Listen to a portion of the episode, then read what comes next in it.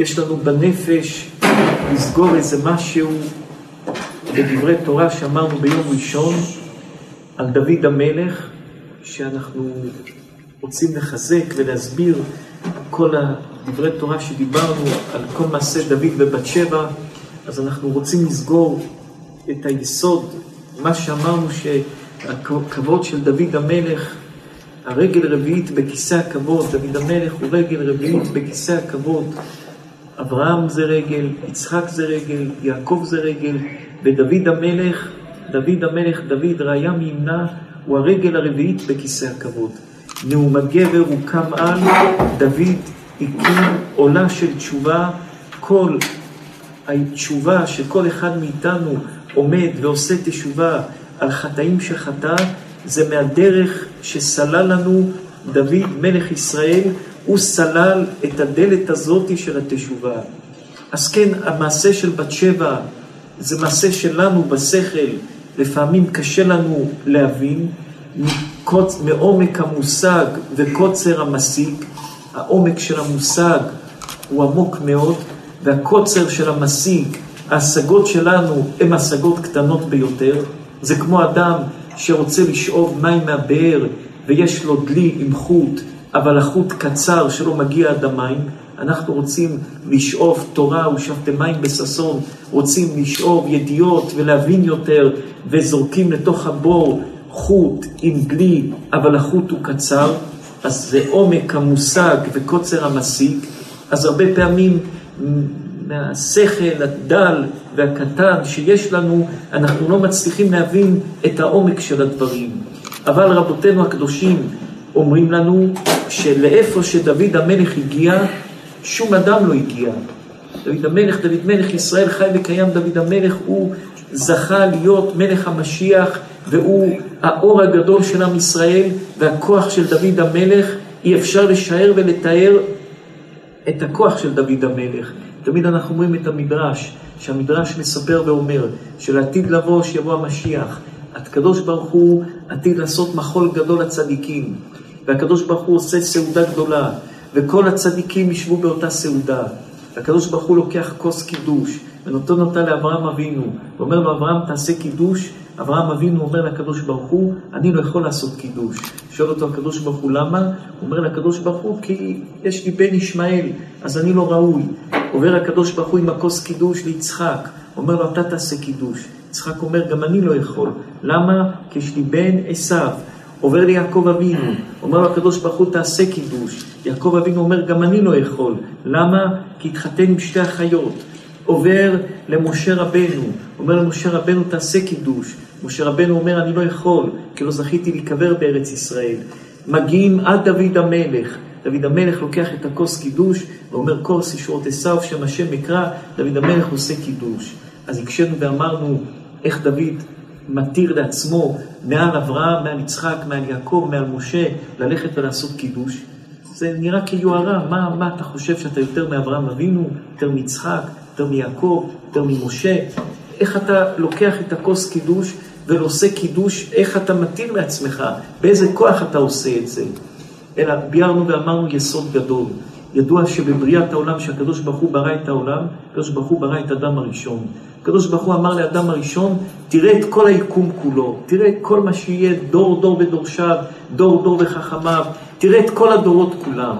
ועמד אדם הראשון ועבר על כל החכמים, כל הדורות, כולל היום פה בבית של רבי שמעון בן חיים, שאנחנו יושבים ומדברים דברי תורה, גם את זה ראה אדם הראשון.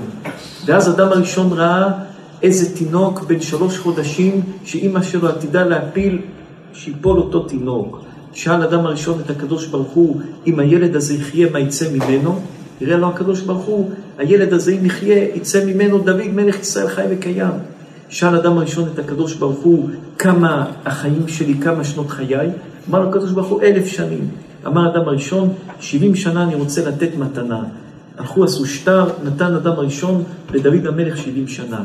כשהגיע 930 שנה של דוד, אדם הראשון שעמד למות, אמר אדם הראשון לקדוש ברוך הוא, יש לי עוד 70 שנה. אמר לו הקדוש ברוך הוא, נתת את זה לדוד המלך. ואז דוד המלך אומר בתהילים, אל תפתחו בין דיבים לבין אדם שאין לו תשועה. אל תאמין בשום אדם, בבן אדם שאין לו תשועה. אל תסמוך על שום אדם, אפילו האדם הראשון היה צריך לכתוב איתו שטר על השבעים שנה. אם לא, האדם הראשון היה מתכחש לזה. וככה דוד המלך הלך ועלה וגדל והתעלה בקדושה, בתורה. שבוע שעבר, בנר שישי של חנוכה, הבאנו את כל היסוד, איך שמואל הנביא משך אותו למלך, ואיך הוא עלה והתקדש, ואיך הוא הרג את גוליית, ואיך הוא דאג לא לפגוע בכבודו של שאול המלך, ואיך דוד המלך הגיע לכל מה שהגיע, לכל הגדולות הגדולות שהגיע. ואז אומרים רבותינו הקדושים, ביקש דוד המלך מהקדוש ברוך הוא, למה אומרים בתפילה אלוקי אברהם, אלוקי יצחק ואלוקי יעקב? למה לא אומרים גם אלוקי דוד? אני רוצה שבתפילה יאמרו אלוקי אברהם, אלוקי יצחק ואלוקי יעקב וגם אלוקי דוד. אמר לו הקדוש ברוך הוא, לא. אברהם עבר ניסיונות, יצחק עבר ניסיונות, אתה לא עברת ניסיונות. אמר, הקדוש, אמר דוד המלך לקדוש ברוך הוא, תנסה אותי, ואני אעמוד בניסיון. אמר לו הקדוש ברוך הוא, לא, אתה לא תעמוד. אמר דוד המלך, תנסה אותי. אמר הקדוש ברוך הוא, לא, התעקש, תנסה אותי. ואז בא לו הניסיון של בת שבע. שמה, זה מה שדיברנו בשיעור ביום ראשון בבית של רבי יואל הצדיק, זה מה שדיברנו. שהיה ניסיון של בת שבע, שזה היה ניסיון לא פשוט. יש מר"ל מפראג, ויש מפרשים שאומרים איך היצר הרע בא אליו. רבותינו הקדושים אומרים שזה היה יצר על-טבעי, שלא היה אפשר לשלוט על זה. משהו על-טבעי שאי אפשר לשלוט על זה. וגם רבותינו הקדושים אומרים, מסכמים את כל הסיפור של דוד ובת שבע, כל האומר דוד חטא, אינו אלא טועה.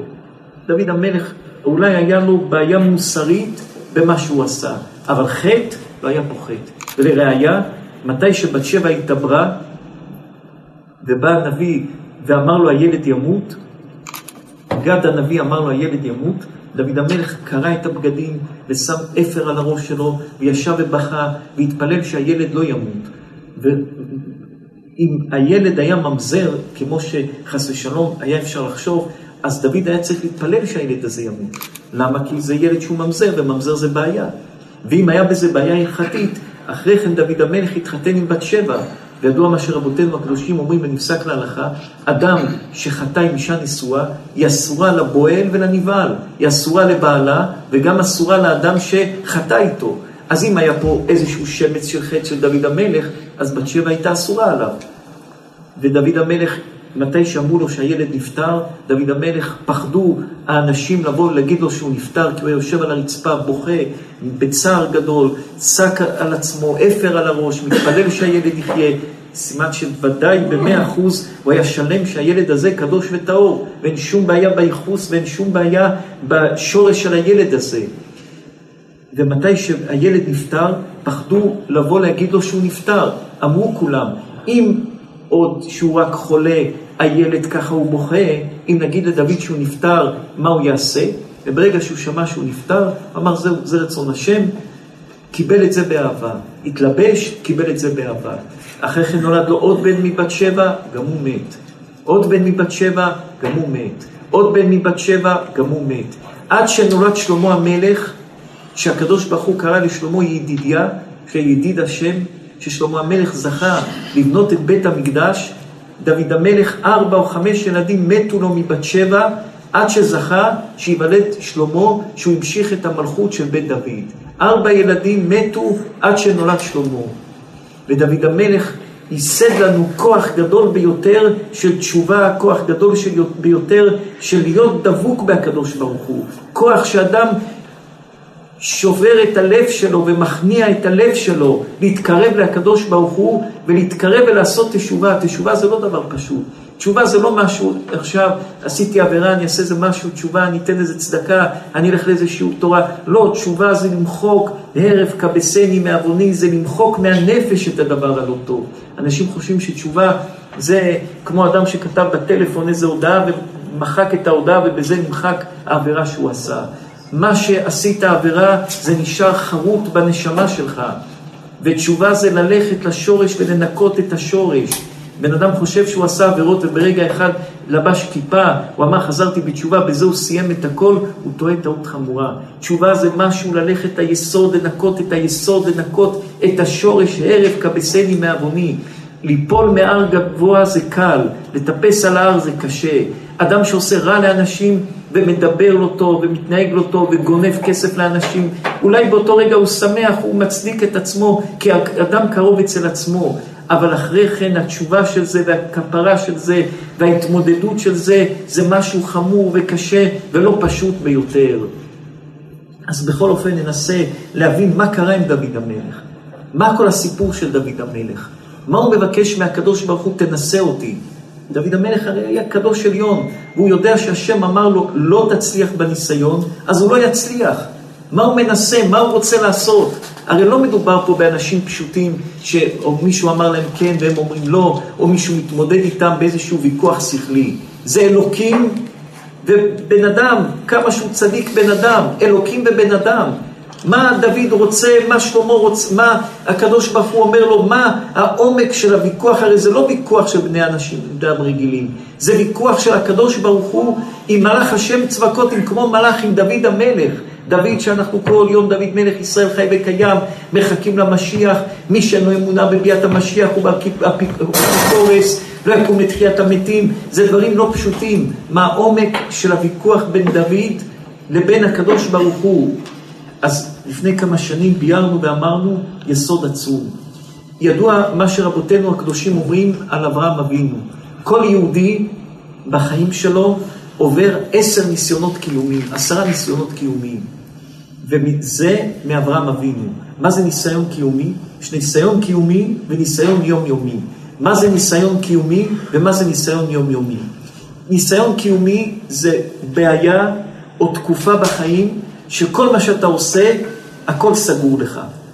אתה הולך ימינה, הדלת סגורה, שמאלה, הדלת סגורה, ישר, סגור, אחורה, סגור, למעלה, סגור. ניסיון קיומי, הכל סגור לך, כל מה שאתה עושה זה לא טוב, לא מצליח, לא מתקדם, כל מה שאתה עושה סגור. ולפעמים זה יכול להיות יום, לפעמים זה יכול להיות שנה, וגם מצאנו אצל אברהם אבינו שזה היה לך לך מארצך 62 שנים, שאדם בניסיון קיומי. ניסיון קיומי זה עשר פעמים בחיים, אדם עובר בעיות והתמודדויות שהן לא שכליות, וכמה שתנסה לפתור אותם, אתה לא פותר אותם, אתה רק מסבך אותם. הפתרון שלהם זה להתפלל השם, הפתרון שלהם לשרוד אותם, לעבור את הבעיה עם כמה שפחות נזקים. ואחרי שאתה עובר ניסיון קיומי, תדע עלית דרגה. ויש אנשים שנשברים בניסיון קיומי ולא יודעים לעבור אותו ומתפרקים. ויש אנשים חזקים שעוברים את הניסיון קיומי ואחר כך בא עוד ניסיון ועוברים גם אותו ועוד ניסיון, עשרה ניסיונות קיומיים, כל בן אדם נורמלי בחיים שרוצה להגיע לגיל 120 ולהחזיר את הנשמה שלו לקדוש ברוך הוא שלמה, חייב לעבור עשרה ניסיונות בחיים, ניסיונות קיומיים. זה נקרא ניסיון קיומי שכל הדתות סגורות בפני האדם. כל אחד זה בא בצורה אחרת. יש אדם שפתאום בעיה קטנה ביותר, הוא רואה אותה כהר גדול, וזה כלום, אבל בשבילו זה ניסיון קיומי. ויש בן אדם שבעיה הכי גדולה בעולם, הוא רואה אותה כמו כלום, זה לא ניסיון קיומי בשבילו. הניסיון קיומי הוא יותר התמודדות שלי עם הבעיה, לא של הבעיה עם מי שמתמודד איתה, אלא שלך עם הבעיה. ויש ניסיון יומיומי. מה זה ניסיון יומיומי? כל רגע בא לפה, מישהו פגע בך, מישהו אמר לך, מישהו לקח לך, דברים שביום יום. דברים שביום יום זה ניסיון יומיומי. ניסיון קיומי זה שכל הקיום שלך עומד במבחן וכל הקיום שלך עומד בהתמודדות וכל הקיום שלך עומד במשהו קשה ביותר. ואתה יכול לעבור ניסיון קיומי בתוך ניסיון קיומי. עשית לעבדיך נס להתנוסס, ניסיון בתוך ניסיון. לפעמים אדם עובר שתי ניסיונות קיומיים ביום אחד. וזה מציאות שכל אחד חייב, לכל אחד יש את הניסיון הקיומי שלו. כל בן אדם מאיתנו, מי שאומר אני הכל טוב אצלי ולא היה לי שום ניסיון קיומי, הוא משקר. משקר לעצמו, משקר לאחרים, חי בדמיון, לא יודעים מה בדיוק הוא חושב. אבל כל אחד בהתמודדות שלו עובר עשר ניסיונות קיומיים, אפילו בינך לבין עצמך, שאתה דואג ממשהו שהוא לא קיים, אבל אתה דואג, אתה בניסיון קיומי. אתה חושב משהו, אתה נמצא בצער פנימי ממשהו, אתה, יש לך משהו בעייתי בחיים, המשהו הזה חוסם אותך, סוגר אותך, משתק אותך, זה ניסיון קיומי. כמה ניסיונות קיומיים יש? עשרה. כל בן אדם בחיים, כמו שבני ישראל עברו בארץ ישראל, במדבר, מ"ב מסעות, 42 מסעות, כל יהודי עובר 42 תחנות בחיים. ולכן בשוב הישראל לומדים ביום חמישי את ה-42 מסעות, זה ממתק את ה-42 תחנות שאדם עובר בחיים. כל אדם עובר דירה, עובר עסק, עובר שותף, עובר חברים, 42 תחנות כל אחד עובר בחיים. ועשר ניסיונות קיומיים כל יהודי חייב לעבור בחיים. אברהם אבינו עבר עשר ניסיונות קיומיים, לך לך מארצך, ברית בין הבתרים, עקדת יצחק, עשר ניסיונות קיומיים, כולנו חייבים לעבור. עכשיו, עומד דוד המלך, שדוד המלך היה קודש קודשים, דוד המלך היה האור הגדול של העולם, דוד מלך ישראל חי וקיים. עומד דוד המלך, ודוד המלך רוצה להרים את עם ישראל לעוד דרגה, לעוד משהו יותר גבוה, לעוד משהו יותר מרומם. ומה אומר דוד המלך? דוד המלך אומר, אני ירים את העולם לא לעשר ניסיונות קיומיים, לאחד עשרה ניסיונות קיומיים. למה רק עשר ניסיונות קיומיים? הרי מה זה ניסיון? מתי שאדם אומר עובר בעיה, הבעיה יש לה כמה אופנים למה עוברים אותה. או שעשית עבירה, ואתה משלם על עבירה שעשית, אדם שפתאום הפסיד כסף, אדם שפתאום יש לו בעיה, זה או שעשית משהו לא טוב ואתה משלם על זה, זה אחד.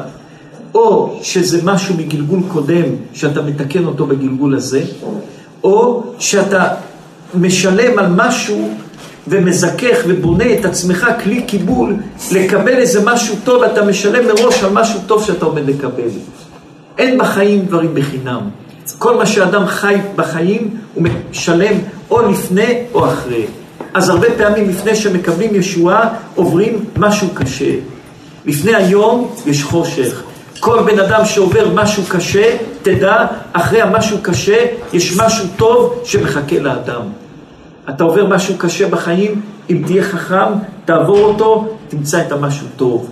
אמרנו, פע... אמרנו כמה פעמים שמדרש שאומר שהיה איזה אבא וילד הלכו בדרך, והילד היה עייף כל הדרך, מתי מגיעים לעיר, מתי מגיעים לעיר. פתאום היה בית קברות. אמר האבא לבן, עכשיו אחרי הבית קברות העיר. תמיד לפני העיר יש בית קברות. ככה אותו דבר. לפני שאתה מגיע לקושי, אתה נמצא בקושי הגדול. לפני שהשמש שוקעת, זורחת, אז יש איילת השחר, יש חושך הקשה ביותר, זה לפני תחילת שהאור מתחיל לזרוח. כך גם בן אדם בחיים שלו. הניסיון שאתה עובר, אם אתה עובר ניסיון קיומי טוב, בלי טעויות, בלי לשבור כלים, בלי להיפגע במקומות שלא צריך להיפגע, תדע, נפתחים לך בחיים דברים יותר גדולים. נפתחים לך בחיים אופקים יותר גדולים. כל אדם מסתכל, אחרי, לפני כל הצלחה גדולה שהייתה לאדם, אדם היה בשפל. אדם עבר משהו קשה, או שפל של פרנסה, או שפל שמישהו פגע בו. לא משנה איזה שפל.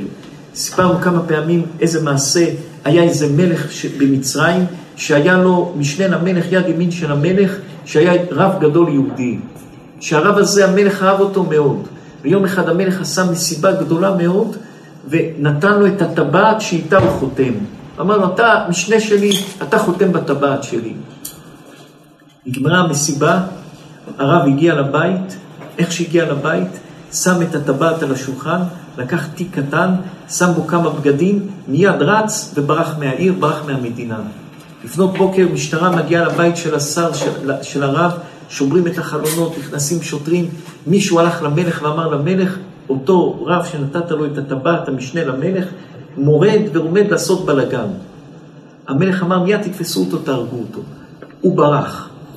עבר תקופה, לא היה לו מה לאכול, הוא הלך ממקום למקום, הגיע לעניות, הגיע לפשטות, הגיע לבית של אישה אלמנה שבקושי הייתה נותנת לו מרק ביום לאכול.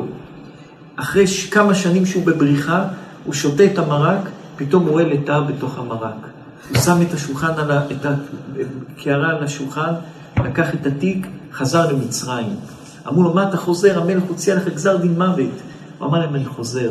הגיע למצרים, איך שהוא נכנס, באותו יום המלך תפס שלפני כמה שנים אותם אנשים שהעלילו על הרב הזה עלילה, הם ניסו למרוד במלך. והמלך אמר לו, עכשיו תגלה לי, שברחת, למה ברחת? הרי נתתי לך אותו יום את הטבעת, ושחזרת, למה עכשיו חזרת בדיוק איך שמחלתי לך? וראיתי והבנתי שלא עשית לי כלום. אמר לו הרב, כשהגעתי לשיא, ידעתי שמפה אני רק יכול ליפול, לכן ברחתי. כשהגעתי לשפל, שאפילו מרק אני לא יכול לשתות ואין לי, הבנתי שיותר נמוך מפה אי אפשר, ועכשיו כבר אני יכול לחזור שהכל טוב. כל בן אדם שנמצא במקום קשה, בחיים האישיים, בפרנסה, בנפש, בהשפלה הגדולה ביותר, בהסתרה הגדולה ביותר, במקום הנמוך ביותר, במקום, בקצה הקשה ביותר, מהקצה הקשה ביותר, אל תישבר ותיפול. משם תאסוף את עצמך ותדע, אין מצב שהשם מביא בן אדם שמתוך ההריסות אין לו שם את הישועה. מתי שנופל דבר והכל הריסות, בין ההריסות יש לך את הישועה לעלות ולטפס למעלה למעלה. או שתישאר מתחת להריסות, או שתקום ותצמח ותבנה עולם חדש. אנחנו אומרים את זה לכל אחד ואחד מאיתנו.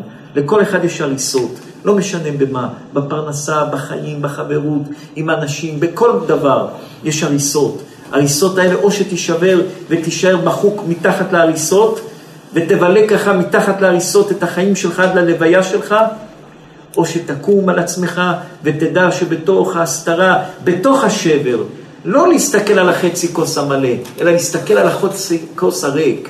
אנחנו לא אומרים לכם, תסתכלו על החצי כוס המלא, יש לך פרנסה קצת, יש לך אישה, לא, אל תסתכל על חצי כוס המלא, תניח את זה, תסתכל על חצי כוס הריק, בריק יש את הישועה, בשברים יש את הישועה, בחורבן יש את הישועה, בבעיה יש את הישועה. כולם רגילים לומר, אל תסתכל על הריק, תסתכל על המלא, לא, תשאיר את המלא, יש לך את זה כבר, זה בסדר.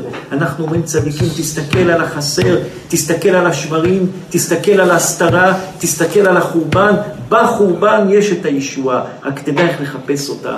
מה קורה לאדם? אדם לא מתחיל אפילו לחפש את הישועה. הוא מתייאש, מרים ידיים, אפילו הוא לא מתחיל לחפש את הישועה. הוא מחפש את הישועה, הוא לא מוצא אותה, הוא נשאר למטה. קווה אל השם, חזק, ואמץ ליבך, וקווה אל השם, ועוד פעם תקווה, ואם לא הצלחת עוד פעם תקווה, שבע יפול צדיק וקם, שבע פעמים נפלת, תקום, תהיה חזק, בסוף הקדוש ברוך הוא יושיע אותך, וזה מה שהיה אצל דוד המלך. דוד המלך אמר, ניסיונות זה זיכוכים, אתה מזכך את עצמך ואתה עולה. יש אנשים שהם מכוח סיטרא החיים, בטומאה החיים שלהם זה בכלל, זה, זה, זה משהו שבכלל לא מדברים אליהם, שכבר איבדו את עולמם ורק הם נמצאים באיזושהי המתנה לקבל את המכה שאין לה תקומה, או הם או הילדים או משהו, וזה דברים חמורים. עליהם לא מדברים, הוציאו את עצמם מגדר עם ישראל, עליהם לא מדברים. זה אנשים שפוגעים באנשים בצורה חמורה ביותר, את זה לא מדברים לכאלה אנשים. אנחנו מדברים לאנשים שהם נמצאים בתוך המושגים של היהדות. המושגים של בן אדם לחברו. בן אדם לחברו זה לפני בן אדם למקום. אדם שעושה תשובה וצדיק עם השם ופוגע באנשים, הוא, העונש שלו יותר קשה מאדם שפוגע בשם. דרך ארץ קדמה לתורה, לפני התורה דרך ארץ. מתי שהצרות הצרורות יתחילו לבוא לאדם בצרורות, אז האדם יחפש ולא ידע איך לעצור את זה. כי מתי שאדם נמצא בתוך הבעיה, לעולם מתפלל אדם לפני שצרה באה לביתו, כי אחרי שבאה לביתו קשה לצאת מהצרה. כן, החמוש מתיר עצמו מבית האסורים. עומד, עומד דוד המלך ואומר, ריבונו של עולם, עשר ניסיונות קיומיים זה לא מספיק. אני רוצה להביא את עם ישראל לדרגה יותר גבוהה. רוצה להרים את עם ישראל למקום יותר גבוה. ומה המקום יותר גבוה? עוד ניסיון, 11 ניסיונות קיומיים. עשר ניסיונות קיומיים לא מספיק. אומר דוד המלך הקדוש ברוך הוא, למה אומרים אלוקי אברהם, אלוקי יצחק ואלוקי יעקב? שיגידו גם אלוקי דוד, ותנסה אותי. ואם דוד המלך היה עומד בניסיון, היינו צריכים לעבור לא עשר ניסיונות בחיים, אחד עשר ניסיונות. והקדוש ברוך הוא ידע שבקושי עשר אנחנו מתמודדים איתם, וכל אחד יסתכל על עצמו כמה קשה לו בחיים. להוסיף עוד צרה של ניסיון קיומי בחיים, הקדוש ברוך הוא ראה שזה אין לנו כוח לעמוד בזה. אולי דוד המלך יכול, אבל לנו אין כוח לעמוד. ואם דוד המלך היה עובר את זה, ולא נופל במעשה של של בת, של בת שבע, שזה למעשה עבר משהו מוסרי, לא הלכתי. אז כולנו היינו חייבים לעבור 11 ניסיונות קיומיים ולא עשרה. לכן הקדוש ברוך הוא אמר לו, לא תעבור את זה. ואפילו שהצדיק רצה לעבור, ורצון ירב יעשה, ואת שבתם ישמע ויושיעם, והוא רצה לעבור, אבל בשביל כלל עם ישראל, הקדוש ברוך הוא לא רצה שזה יהיה. אז מה החזיר הקדוש ברוך הוא לדוד? אין בעיה. נכשלת, אבל פתחת דלת בתשובה להקל את העשר ניסיונות קיומיים.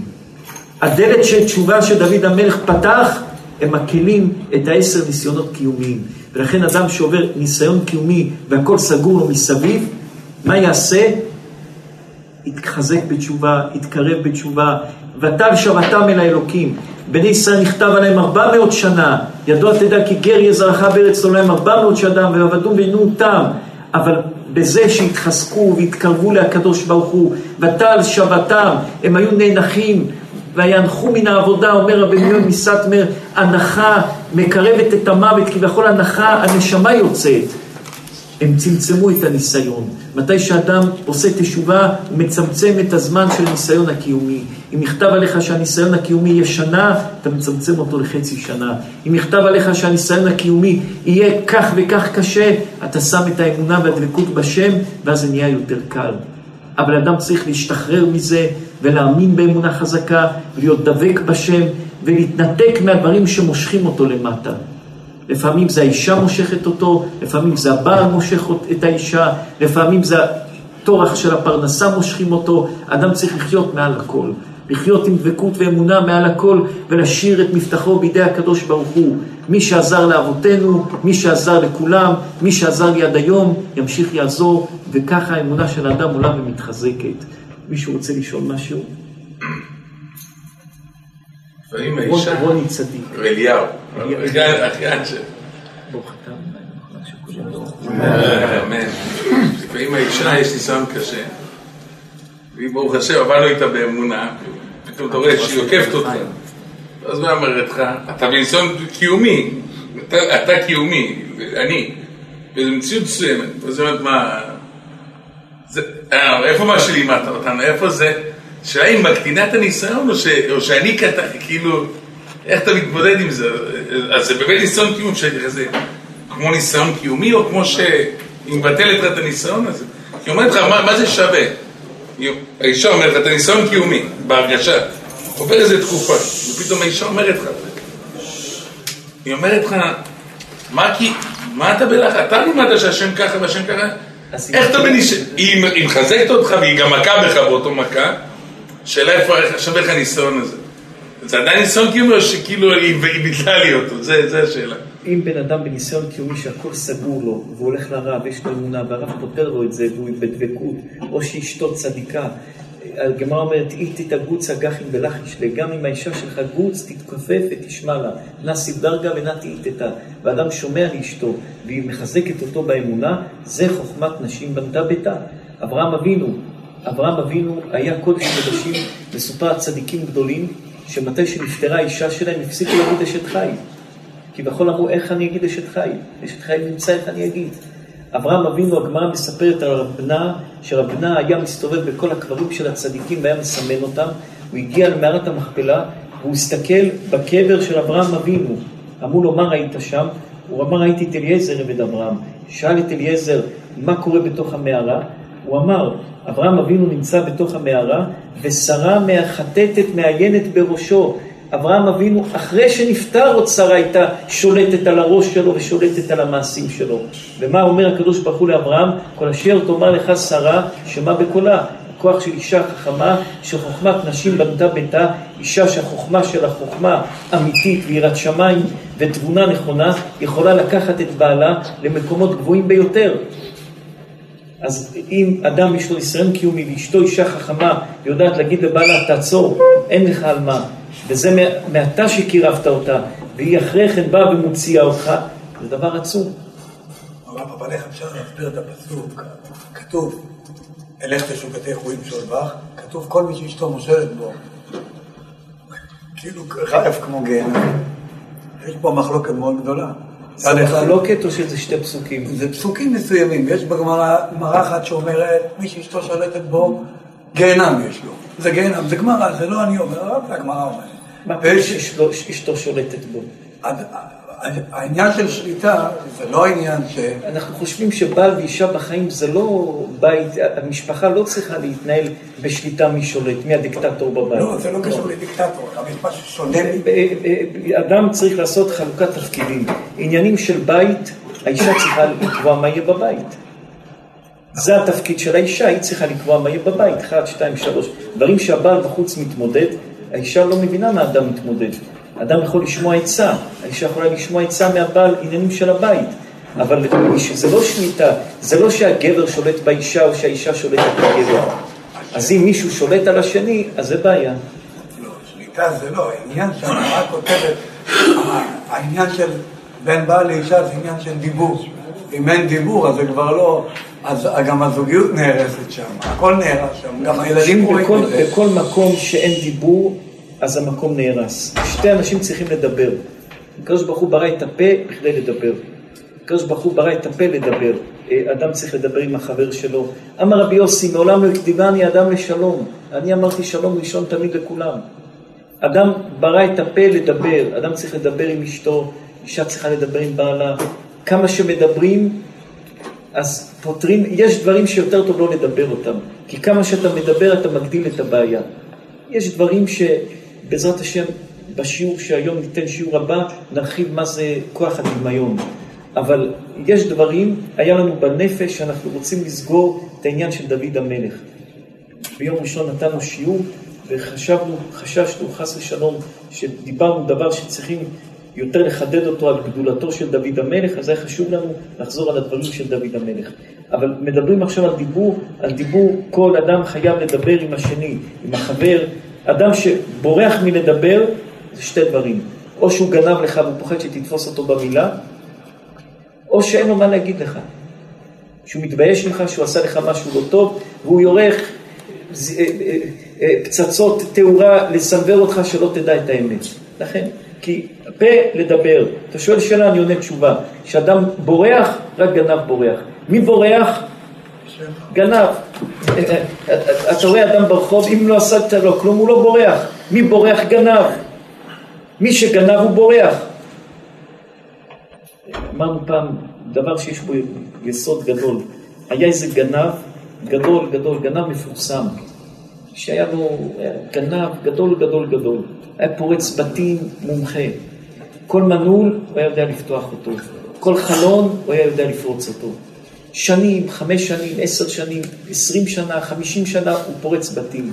הוא קיבל את זה גם ירושה מאבא שלו. גם אבא שלו היה פורץ בתים. גנב בן גנב. היה גנב, היה גנב של בתים. וכבר הוא התבגר, הגיל עושה את שלו, והגנב הזה הלך ואמר לבן שלו, בני, אהובי, יקירי, אני רוצה להעביר לך במסורת את המסורת של הגניבה, שגם אתה תדע לפרוץ. בוא תעשה איתי סטאז', אני אלמד אותך לפרוץ. אמרו לו, איפה נלך לפרוץ? הוא אמר, בבית הכי חזק של האיש הכי עשיר בעיר, נלך לפרוץ לו את הבית. האבא הולך לישון, הבן אחריו, מחזיק את התיק עם מקלק פריצה, האבא נכנס, פורץ את החלון, נכנס, מנתק את האזעקות, קופץ, נכנס בפנים עם הבן שלו, נכנס, נכנס בפנים, פתאום האבא מפיל איזה אגרטל, איזה משהו, נשבר, רעש, מתעוררים כולם, באים לברוח, הבן בא לברוח, האבא מכניס את הבן לאיזה שירותים, נועל אותו ובורח.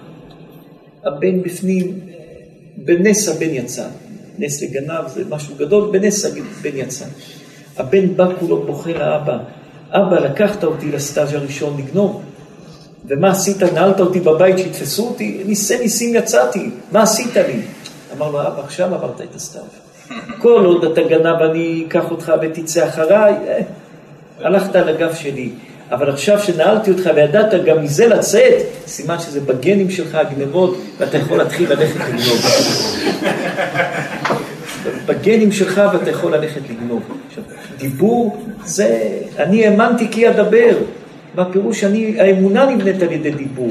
מתי שאנשים מדברים, אני האמנתי, האמון נברא, אנחנו מאמינים ומחזיקים שלבנות קשר בין אחד לשני צריך מאה שעות לפחות. אין חברות שראינו וברגע אחד אנחנו חברים ואוהבים ומשקיעים והכל, לא. חברות צריכה מינימום 100 שעות דיבור. להתקדם יותר לעניינים יותר רציניים, 200 שעות לפחות. דיברתי איתך שלוש שעה, חצי שעה, ומזה נבוא ונבנה את העולם? לא, זה סתם, זה אגדות שנגמרות בחורבן ובאכזבות קשות ביותר. אני האמנתי כי אדבר. מתי שאדם מדבר, מתי שאדם בונה קשרים בדיבור, אדם בונה מסילות בדיבור, אדם בונה דברים בדיבור, אז יש בסיס על מה לבנות. כשאדם שולט הוא ישלוט בך, התורה אומרת, הוא ישלוט בך ותשוקתו אלך, אז הקדוש ברוך הוא עשה פה איזון. זה לא שליטה, זה שליטה שהיא איזון. טוב צדיק. כן. אבא אמר שיש אה, עשר מלחמות קיום, ומצד שני... עשר התמודדויות קיומיות. כן, ומצד שני, שבע פעמים צדיק נופל וקם. כאילו לאיפה נעלמו שלוש בדרך? לא, זה לא, ניסיון זה לא אה, נפילה. נפילה זה, החלקת, זה נקרא נפילה, נקרא ניסיון קיומי, אתה קם.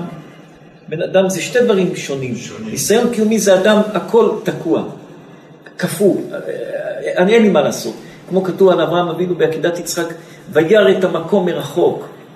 מה הפירוש? אברהם אבינו ראה את המקום, את הקדוש ברוך הוא שנקרא מקום מרחוק, הוא ראה את אלוקים רחוק ממנו, איפה אלוקים?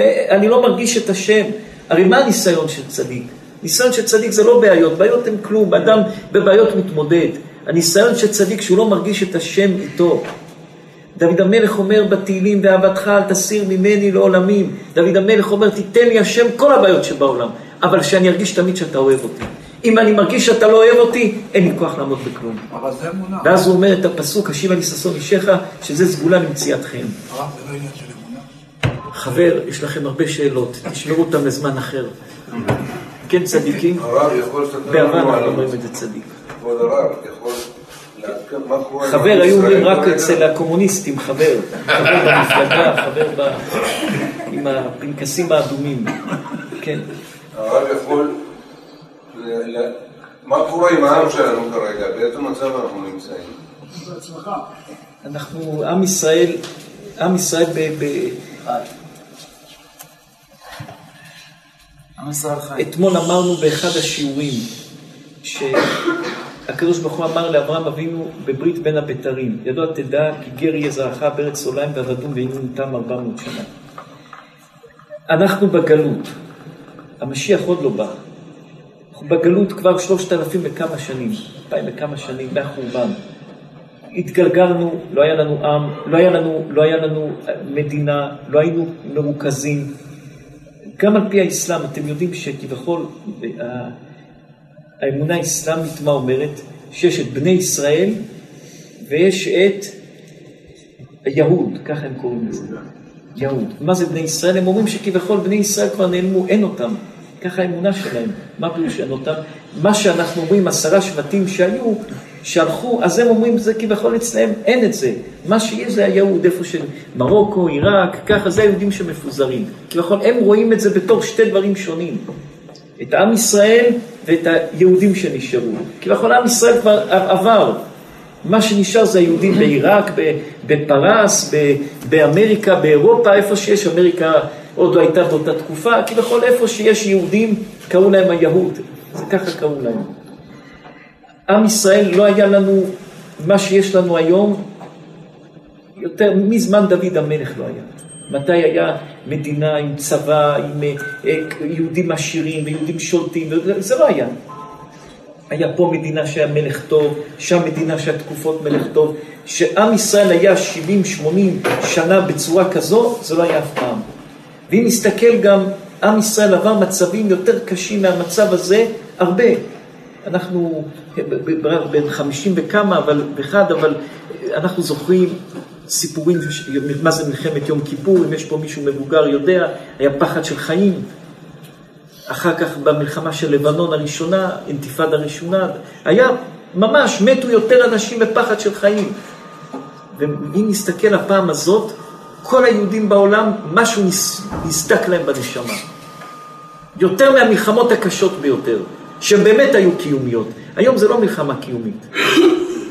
אבל משהו נסדק לנו קיומי בלב. למה? כי הגענו עד עכשיו, הגענו לאיזשהו מצב שכבר הרגשנו את עצמנו בטוחים. אנחנו כבר לא גרים, אנחנו כבר בטוחים, אנחנו חזקים, אנחנו עשירים, אנחנו יכולים לעשות מה שאנחנו רוצים, אנחנו כל יכול. כל בעיה שיש, היהודי ימצא פתרון. קורונה, יהודי מצא פתרון חיסון. בעיה כך, יהודי מצא פתרון. כביכול הרגשנו את עצמנו שהגענו לחלק ולנחלה. והקדוש ברוך הוא הראה לנו, אתם עוד גר, ואנחנו בשכבה הנמוכה ביותר, כמו שהתורה אומרת, גר, יתום ואלמנה, נשבר לנו, אנחנו עוד בגלות, אלוקים בגלות, הוא עוד לא בבית המקדש. אז אנחנו יכולים להיות בבית המקדש, בבית שלנו, אז נשבר לנו משהו פנימי עמוק מאוד מאוד מאוד מאוד אצל כל עם ישראל. אין לנו בעיה קיומית היום, בינתיים, אבל נסדק משהו עמוק, וכולנו חזרנו להרגיש כמו גרים, כמו נוודים, מה נעשה, מה יהיה עם עם ישראל, נראה מה קורה לאחים שלנו, לאחיות שלנו, ליהודים שבשבי, ליהודים שבצרה, מה קרה, איך קרה. חזרנו להרגשה של גרות, ונשבר לנו משהו שכבר בנינו אותו ונולדו דור שלם של אנשים שלא יודעים מה ששמעון הרגיש לפני כך שנים ואתם לפני חמישים שנה, נשבר וזה הדבר שמערער ויותר קשה מפעמים קודמות. הרב, הרבה יהודים אבל בשבי. הרבה יהודים זה לא, לא דבר פשוט. מבחינה שכלית זה לא דבר פשוט. דברים לא פשוטים. והסרטונים שרואים. למה אתם רואים סרטונים? אין, זה מנקר כבוד הרב. אחד הסרטונים, זה פשוט שמרחם, אני הקשבתי לך גם מההתחלה בזה, ואז אתה מתחיל, פשוט צולל לזה. ואני אומר, כבוד הרב, כמו שאמרת נכון, אני לא יושן כבר, שלא נדע, חודשיים, לא יושן, לא יושן, אני קם שלוש בבוקר, הקל, אף פעם לא היה לי דבר כזה. קם מסיוטים, זה מתמונות, שאתה לא לא מצליח לשלוט בהם, והיום שלי הוא רגיל. לא, אנשים לא מבינים את זה. אין אצלנו, אצל עם ישראל, יהודי, דתי, חילוני, ספרדי, אשכנזי, ימין, שמאל. אנחנו אחים, שכחנו את זה. אנחנו אחים. הנאצים הרגו יהודים, הם לא שאלו אותם אתה דתי או חילוני או, או כופר או מה. למה קוראים להר סיני הר סיני? שמשם ניתנה שנאה לאומות העולם על עם ישראל. שונאים אותנו, לא משנה. לא משנה אם אתה חסיד, או אתה ליטאי, או אם אתה ספרדי, או אם אתה אה, דתי, ימני, שונאים את כולנו אותו דבר. ואנחנו, עם ישראל צריך להתאחד וצריכים לדעת שבנינו כל אחד בראש שלו עולם משעצמו. גם כל אחד חי בבועה ובעולם שלו. אדם יש לו אינטרנט. פרופסור גדול דיבר את זה איתנו על זה. אדם יש לו אינטרנט, אז יש באינטרנט משהו שקוראים לזה אלגוריתם, כן? מה שאדם אוהב לראות מראים לו. עכשיו, אדם אוהב ימיני, אז כל היום עולה לו באינטרנט דברים של ימין. אז הוא חי עם סקרים ימיניים, עם דעות ימיניים, הוא חושב שזה כל העולם. אדם שמאלני, הוא קורא סקרים שמאלניים, מחשבות שמאלניים. אדם דתי, הוא רואה דברים של דתיים, שיעורי תורה. אדם של משהו אחר, משהו אחר. אז כל אחד מנותק, מכל, כולם ביחד, וכולם מנותקים אחד מהשני. הימיני חושב רק הדעות שלו הן צודקות, הוא לא יודע שיש משהו אחר. השמאלני חושב שרק הדעות שלו צודקות, הוא לא יודע שיש משהו אחר. האדם שהוא יושב ושומע דברי תורה, הוא חושב שרק זה קיים. הוא לא יודע גם איך להסתכל על השני, אנחנו גם לא מבקשים ממנו להסתכל על השני, ונותנים עצה בכלל להסתכל בכל הדברים האלה שהם רק מבלבלים ומביאים את האנשים לחרדות ולפחדים ולדברים קשים ביותר. למה הדור הזה מלא בחרדות, מה שלא היה באף דור? כי הדור הזה אנחנו חיים בעולם הדמיון. ועולם הדמיון הביא את העולם לחורבן ולחרדות ולדברים קשים ביותר. וזה נכנס לתת הכרה, והתת הכרה זה יוצא משם, פתאום קופץ לאדם בראש, מחשבה, אדם יושב בשיעור, פתאום מריח ריח שלפני עשרים שנה, הריח הזה, הוא הריח אותו מתי שמישהו פגע בו, פתאום הוא נהיה עצוב. הוא לא יודע בכלל למה הוא עצוב. למה? פתאום איזה רעש, שמתי שלפני עשר שנים הרעש הזה הוא שמע ומשהו הכאיב לו, הוא נכנס לעצבות. וזה בתת הכרה, כל זה יושב. וכל הסרטונים וכל הדברים הקשים, הם יושבים לכל אחד בנפש בתת הכרה. ומדי פעם זה נזרק ואדם בכלל לא יודע מה עובר עליו, למה? מישהו צדיקים רוצה לומר עוד דבר? כן, רבי משה. בן 42 מסעות ונעשה ניסיון. מסעות זה לא ניסיון, מסעות זה כמו שעברת דירה לפה, הכרת את זה, עברת לזה, החזרת לשם, הלכת לפה, זה מסעות. ניסיון זה הכל סגור, אין, סגור. ניסיון, ניסיון רבי משה זה אדם, אני פוחד, מה יהיה, מה עם החיים שלי, איך עם החיים שלי, אוי ואבוי, מה, למה, מה עם הפרנסה, מה עם כך, זה ניסיון קיומי, אדם הכל סגור לו, זה יכול לקחת לאדם, אדם אין, אדם רוצה שידוך, השידוך לידך, אבל ניסיון קיומי, הוא לא רואה את זה. פרנסה זה לידך, הוא לא רואה את זה. זה ניסיון קיומי. זה ניסיון קיומי. תדעו, רוב הבעיות שיש לכולנו הן לא בעיות, אנחנו יוצרים אותן. 90% מהבעיות הן לא בעיות, אנחנו מגדילים אותן, אפשר לפתור אותן ברגע. אבל אנחנו נמצאים בניסיונות, ב- ב- בריחוק מהשם, בבעיות, בשטן, ביצר הרע, וזה מרחיק, וזה מרחיק את האדם. אמר רבי בנימין, כל העולם בחזקת צומים, כולם בחזקת צומים, עד שבא הקדוש ברוך הוא, רגע אחד מסיר את הכל ורואים את הכל. כל התשובות הן לידינו. כל התשובות, הפרנסה לידך תפתח רק את העיניים, השידוך לידך תפתח רק את העיניים, התשובות על הבעיות שיש לך לידך תפתח רק את העיניים. ולכן אם אין סייעתא דשמיא, אם אתה לא מתפלל ואין לך סייעתא דשמיא, לא יעזור לך כלום. מי, מי- זה- זהו צדיקים? מה מביא את האמונה? צדיק? מה מביא את הדבר האמונה? כוח של אמונה יותר. באמונה, יותר לעלות בכוח של אמונה. הוא צדיק, אתם יודעים הכל.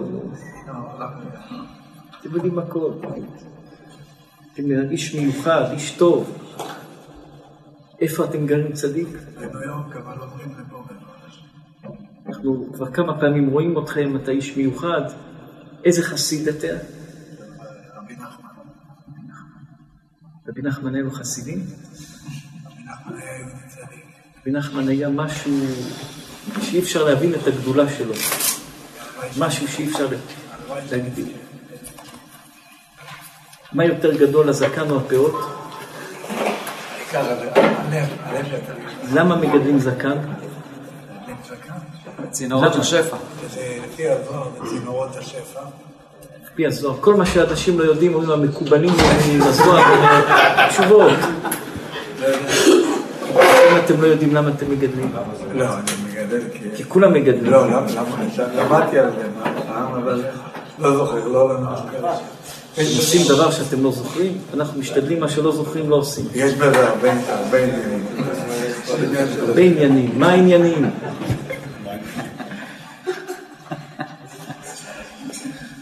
תדעו, אדם צריך להיות חזק על כל דבר. למה אתה מגדל זקן? למה אתה מגדל פאות? יש בזה יסודות עצומים.